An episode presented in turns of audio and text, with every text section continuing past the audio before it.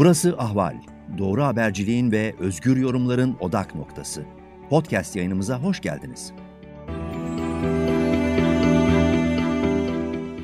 Ahval izleyicileri, sıcak takipteyiz. Ben Dicle Baştürk. AKP'nin meclise sunduğu seçim yasası teklifini konuşmaya devam ediyoruz. Bugün önemli bir konu var. Çünkü Deva Partisi'nin bu yasadan sonra ne yapacağı en çok merak edilen konular arasında.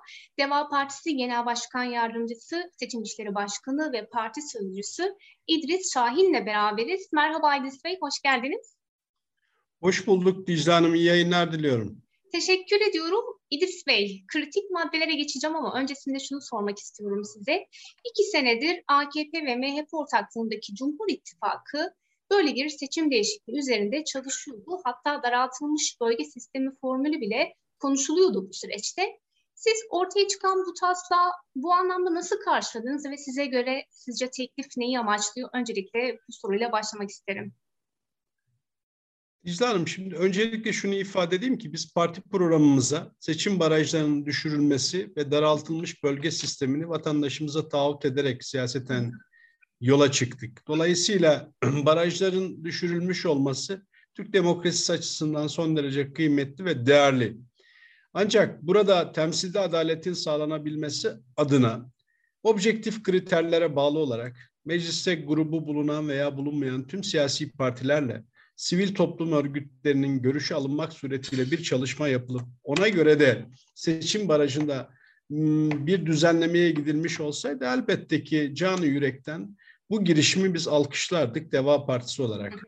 Ancak buradaki yapılan düzenleme tamamen tamamen iktidar ortaklarının 2018 verilerine göre bir daha kendimizi nasıl meclise taşırız ve mecliste söz sahibi oluruz düşüncesiyle yapılmış bir düzenleme. Yaklaşık biraz önce sizin de ifade ettiğiniz gibi bir buçuk iki yıldır iktidar partilerinin mutfaklarında pişirilmeye çalışılan bir aş ama içinde bir kısım olumlu soslar var ama genel anlamda baktığınız zaman aşın içerisinde bir zehir katmak suretiyle parlamentoya sunulan bir yasa teklifiyle karşı karşıyayız. Bu nedenle e, biz mevcut Cumhur İttifakı'nın demokratik bir duruş beklemiyoruz zaten.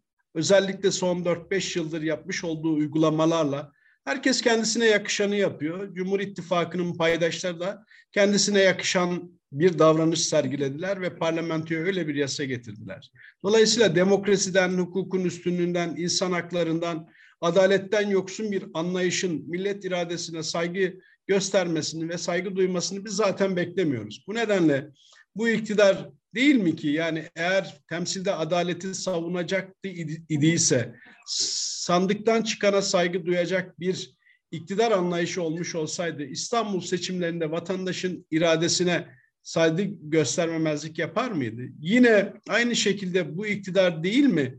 Doğu ve Güneydoğu Anadolu bölgesinde vatandaşın iradesine saygı duymayan ve vatandaşın iradesiyle seçilmiş olanları bir şekilde uzaklaştırıp kayyum atamalarıyla koskoca bir bölgeyi yöneten irade bunlar. Dolayısıyla biz şu an itibariyle bu iktidarın anayasaya sadakatle bağlı kalmak üzere yemin etmiş olmasına rağmen tamamen anayasayı hiçe sayarak, anayasal kurumları yok ederek ve Anayasa Mahkemesi'nin, Avrupa İnsan Hakları Mahkemesi'nin bile kararlarına uymayan ve saygı duymayan bir yönetim anlayışı var. Dolayısıyla biz buradan sağlıklı bir e, kanun teklifinin asla ve asla gelmeyeceğini zaten Deva Partisi olarak biliyorduk. Ancak şunu da ifade edelim.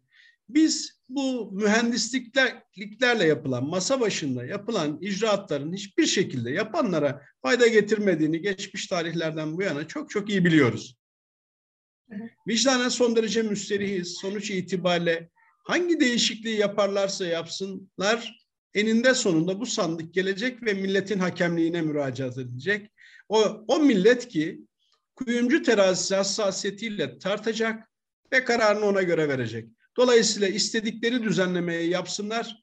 Dün Sayın Babacan'ın ifade ettiği gibi Sayın Erdoğan, Sayın Bahçeli, Hodri Meydan getirin sandığı, sandıkta neyin ne olduğunu hep birlikte görelim dedi. Biz de bu düzenleme sonrasında kendilerine aynen bunu ifade ediyoruz. Hodri Meydan bir buçuk sene sonrasını beklemeyin. İsterseniz üç ay sonrasına sandığı getirin ve milletin tercihinin ne olacağını hep birlikte görelim istiyoruz. Evet. Şimdi İdris Bey en çok tartışılan maddelerden biri de seçime ittifak çatısı altına giren partilerin alacakları oya göre milletvekili çıkarabilmesi oldu. Şimdi bu maddeyle ilgili seçim ittifaklarının artık hiçbir öneminin kalmadığı yönde bir değerlendirme de geliyor ve Deva Partisi ve Gelecek Partisi'nin de aslında milletvekili çıkarmasının önünde tasarlanmış bir düzenlenme düzenleme olduğu da konuşuluyor. Ne dersiniz?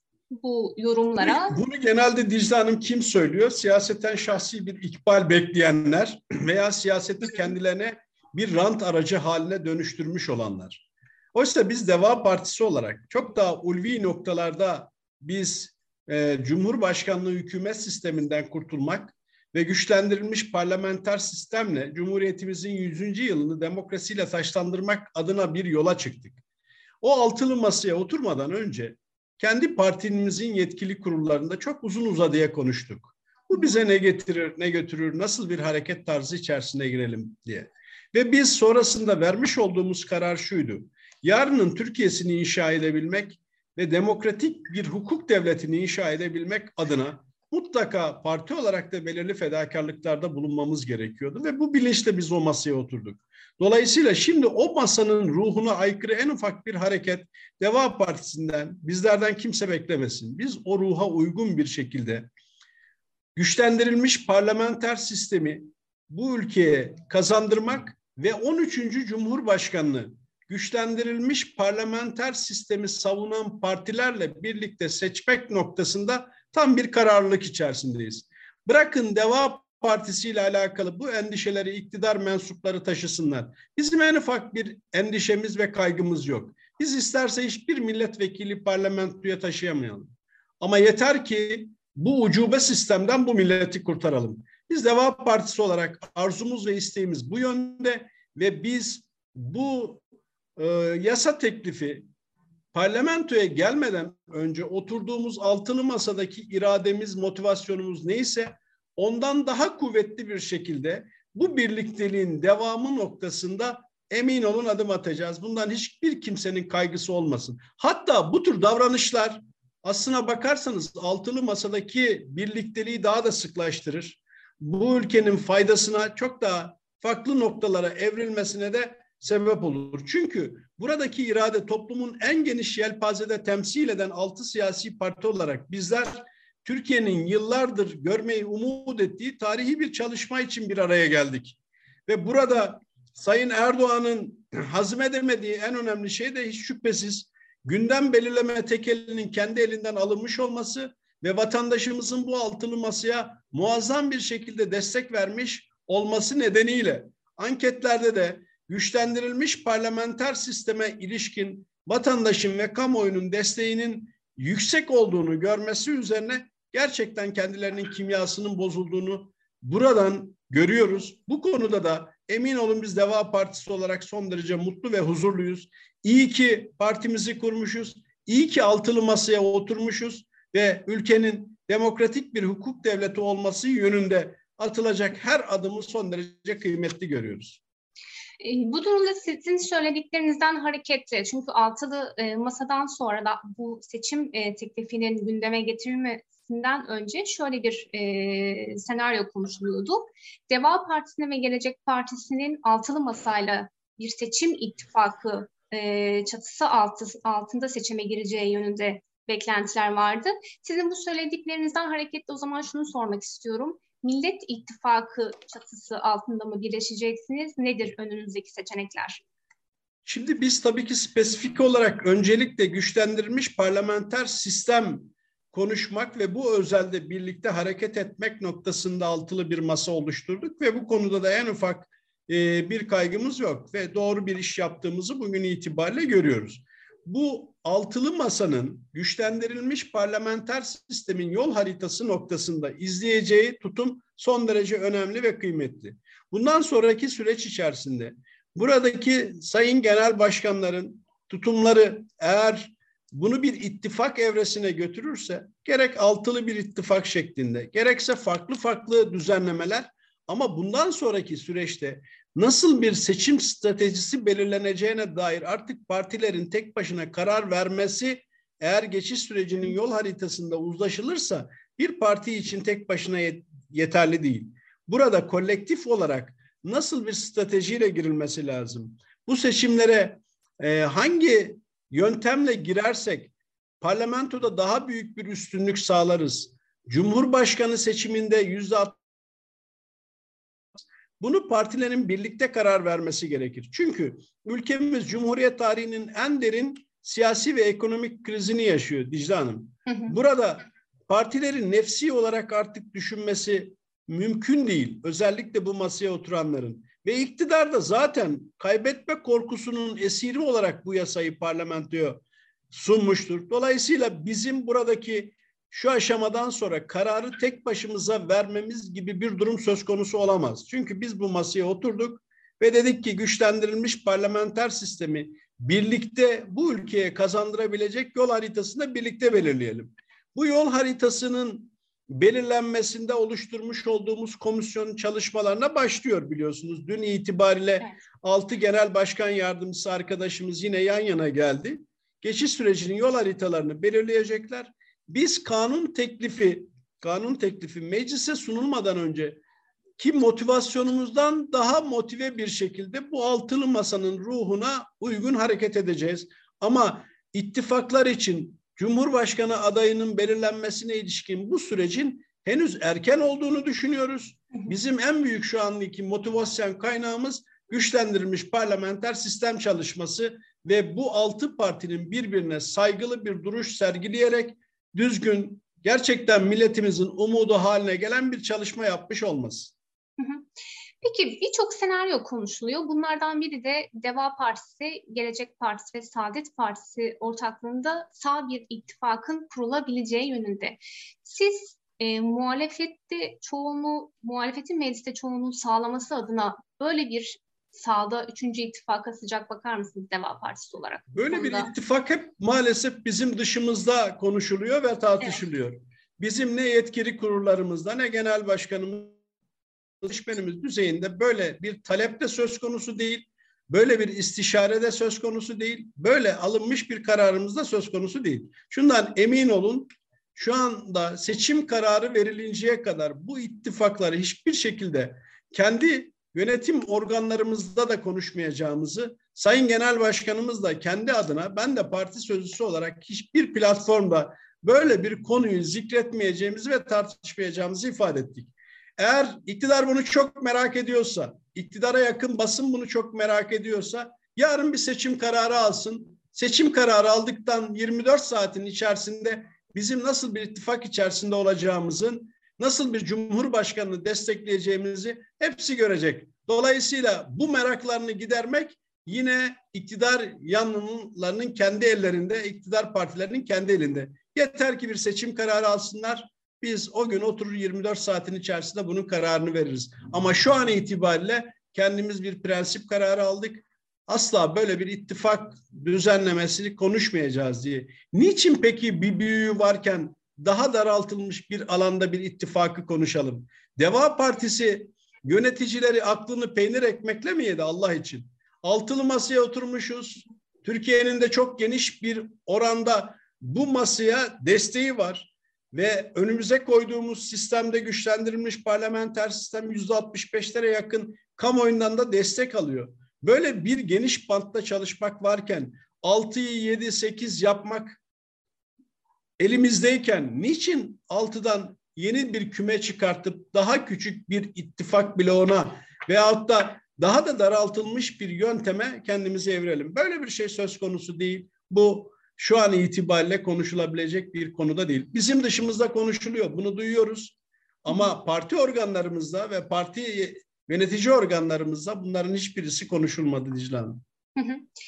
Bir de e, ortak listeyle seçime girilebileceği yönünde de e, bazı konuşmalar ve değerlendirmeler var. Ne dersiniz? Deva Partisi olarak bir ittifaka dahil olmanız durumunda başka bir partinin listesi altında seçime girmek gibi bir seçeneğiniz var mı önümüzde? Ne dersiniz bu konuyla ilgili? İşte Hanım biz öncelikle partimizi yeni kurduk. Bizim en büyük motivasyonumuz kendi partimiz ismi ve amblemiyle. Sayın Genel Başkanımız Ali Babacan'ın altında da ismi yazacak bir oy pusulasıyla seçimlere girme arzumuz. Bunun dışındaki bir e, yaklaşımı şu an itibariyle ne düşündük ne de böyle bir konuda e, bir ön çalışmamız söz konusu. Ancak birinci önceliğimiz tabii ki bu. Ama bundan sonraki süreçte altılı masa ruhuna uygun ekip olarak hareket ettiği müddetçe ortak bir iradeyle çıkacak bir karara da elbette saygı duymamız gerekir. Çünkü biz başlangıçta bu masaya otururken karşımıza bu tür alternatiflerin de çıkacağını göz önüne alarak oturduk.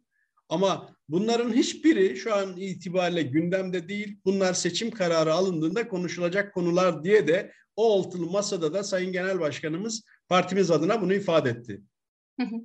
Şimdi ittifaka dahil partilerin milletvekili çıkarması konusunda en çok etkilenecek partilerden birinde, birinin de MHP olacağı söyleniyordu. Çünkü MHP'nin e, kamu anketlerine göre %7 barajını aşması bile zor gibi görünüyor ve sınırda gibi gözüküyor. Şimdi bu durumda MHP'nin bu seçim taslağıyla ilgili sizce hesabı neydi? E, çünkü bugün Semih Yalçın da MHP Genel Başkan Yardımcısı bir açıklama yaptı ve AKP listesinden hiçbir şekilde e, seçime giremeyeceklerini söylediler. Benim seçmenim üçleri Hillary görecek kardeşim dedi Semih Yalçın. Ne dersiniz? MHP'nin hesabı nedir bu konuda? Öncelikle şunu ifade edeyim ki meclisi sunulan e, bu seçim yasasındaki değişiklik teklifi tamamen Milliyetçi Hareket Partisi'nin iktidarın büyük ortağı AK Parti'den talebi üzerine gerçekleştiği kanaatindeyiz. Uzunca süredir AK Parti yaklaşık bir buçuk yıldır bu hususu geçiştirip parlamentoya sunmadı. Ancak son özellikle kamuoyu anketlerinde Milliyetçi Hareket Partisi'nin oylarının iktidarın diğer ortağı AK Parti gibi eridiğinin görülmesi üzerine ısrarcı tutum ve davranışları nedeniyle yüzde yedilik barajın indirilmesi noktasındaki bir irade koydular. Evet. Bu Milliyetçi Hareket Partisi'nin 2002 yılında yaşadığı travmanın bir eseridir. Yani orada oyları yüzde sekize kadar düşmüştü. Şimdi onların hesabına göre asla Milliyetçi Hareket Partisi'nin oylarının yüzde sekizin bir daha altına inmeyeceği noktasındaki bir inanç. Oysa vatandaşın içerisine bir karışsalar, vatandaşın e, tepkisini bir görseler emin olun bu yüzde yedilik e, ülke barajının da kendilerini kurtarmayacağını görecekler. Ama bu henüz daha yasalaşmış bir metin değil. Dolayısıyla ben Meclis Genel Kurulu'nda veya komisyonda bu oranın MHP'nin arzusu ve isteği doğrultusunda biraz daha aşağıya çekilebileceği noktasında bir inancım var. Madem temsilde adalet istiyorlar, halkın iradesinin parlamentoya yansımasını istiyorlar iktidar ortakları. Çünkü kanunun gerekçesinde bunu yazmışlar. O zaman samimi olsunlar. Milletin aklıyla dalga geçmesinler. Burada güçlendirilmiş parlamenter sistemi çalışan altı siyasi parti yüzde üçlük seçim barajı noktasında bir mutabakata vardılar ve hazine yardımında da yüzde birlik bir oy almış olmasını yeterli gördüler. Gelsinler buna uygun bir hareket etsinler ve parlamentoda da iktidarıyla muhalefetiyle bu teklife destek verilsin ve vatandaşın iradesi de parlamentoya bir hakkın daha kolay bir şekilde yansısın. Ancak asıl amaçları bu değil tabii ki. Özellikle bunu da ifade edeyim. Hı hı. Milliyetçi Hareket Partisi olası bir seçimde iktidarın büyük ortağı AK Parti'ye güvenmemesi sebebiyle ittifak içerisinde girdiği takdirde herhangi bir biliyorsunuz baraj sorunu yok. İsterseniz yüzde evet. alın, isterseniz yüzde üç alın. Evet. Ama ittifak halinde girmemesi halinde AK Parti'ye duymuş olduğu güvensizlik nedeniyle kendileri tek başlarına bir seçime girecek olurlar ise kendilerini garanti altına almak istiyorlar. İki sefer sigorta ediyor. Bakınız. Hem bir ittifak içerisinde sigorta ediyor. Bir de ittifakın dışında her halükarda bu seçime girersem yüzde yedilik bir oy alırım düşüncesiyle. Ama bu hesaplar hep masa başında yapılan ve 2018 seçimlerine uygun olarak yapılan hesaplar. Oysa milletin hesabı çok çok daha farklı. Milletin mutfağında çok ciddi bir yangın var. Ülkede çok büyük anlamda bir yoksulluk artık aldı başını gidiyor ve bunun en büyük müsebbibi de iktidarın her iki ortağı. Milliyetçi Hareket Partisi her türlü e, olumlu işten nemalanırken olumsuzlarda ben iktidarın ortağı değilim diyerek bu işten kurtarmayı amaç ediyor. Ve kamuoyuna da hep böyle ifade ediyor. Oysa şimdi artık millet yutmuyor ve diyor ki biz sizin ikinizin beraber ortak olduğunu biliyoruz. Yaptığınız her türlü yasal düzenleme birlikte icra ediliyor ve sandık önümüze geldiğinde de Her ikinizi birlikte cezalandıracağız diyor. Ben iktidarın ortaklarının akıbetinin 2002 seçimlerindeki iktidar ortakları gibi olacağına şimdiden inanıyorum ve bunu da özellikle gördüğümü ifade edebilirim Sayın Başkan.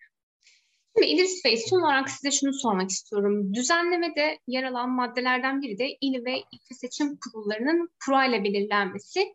Bir de şöyle e, Cumhurbaşkanı seçime tüm devlet imkanlarıyla girebilmesinin de önü açılmış oluyor bu düzenlemeyle. Ne dersiniz? Önümüzdeki seçim bu maddeler ışığında hem seçim güvenliği hem de seçim adaleti bakımından nasıl olacak?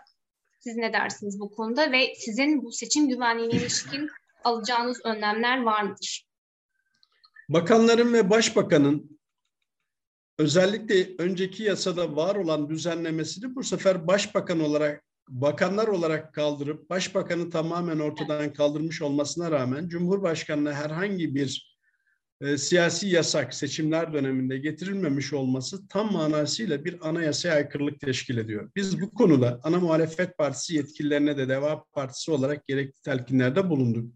Bu yasa parlamentoda bu haliyle geçerse ve hal bunun e, özellikle eşitlik ilkesine aykırılık nedeniyle Cumhurbaşkanı devletin her türlü imkanlarını kullanmak suretiyle seçimin hem güvenliğini riske atacak hem de haksız bir rekabete yol açmak suretiyle eşitlik ilkesinin temelinden sarsacak uygulamalarda bulunacak. Bu nedenle ben Anayasa Mahkemesi'ne bu yönden itirazın yapılması gerekliliğine inanıyorum.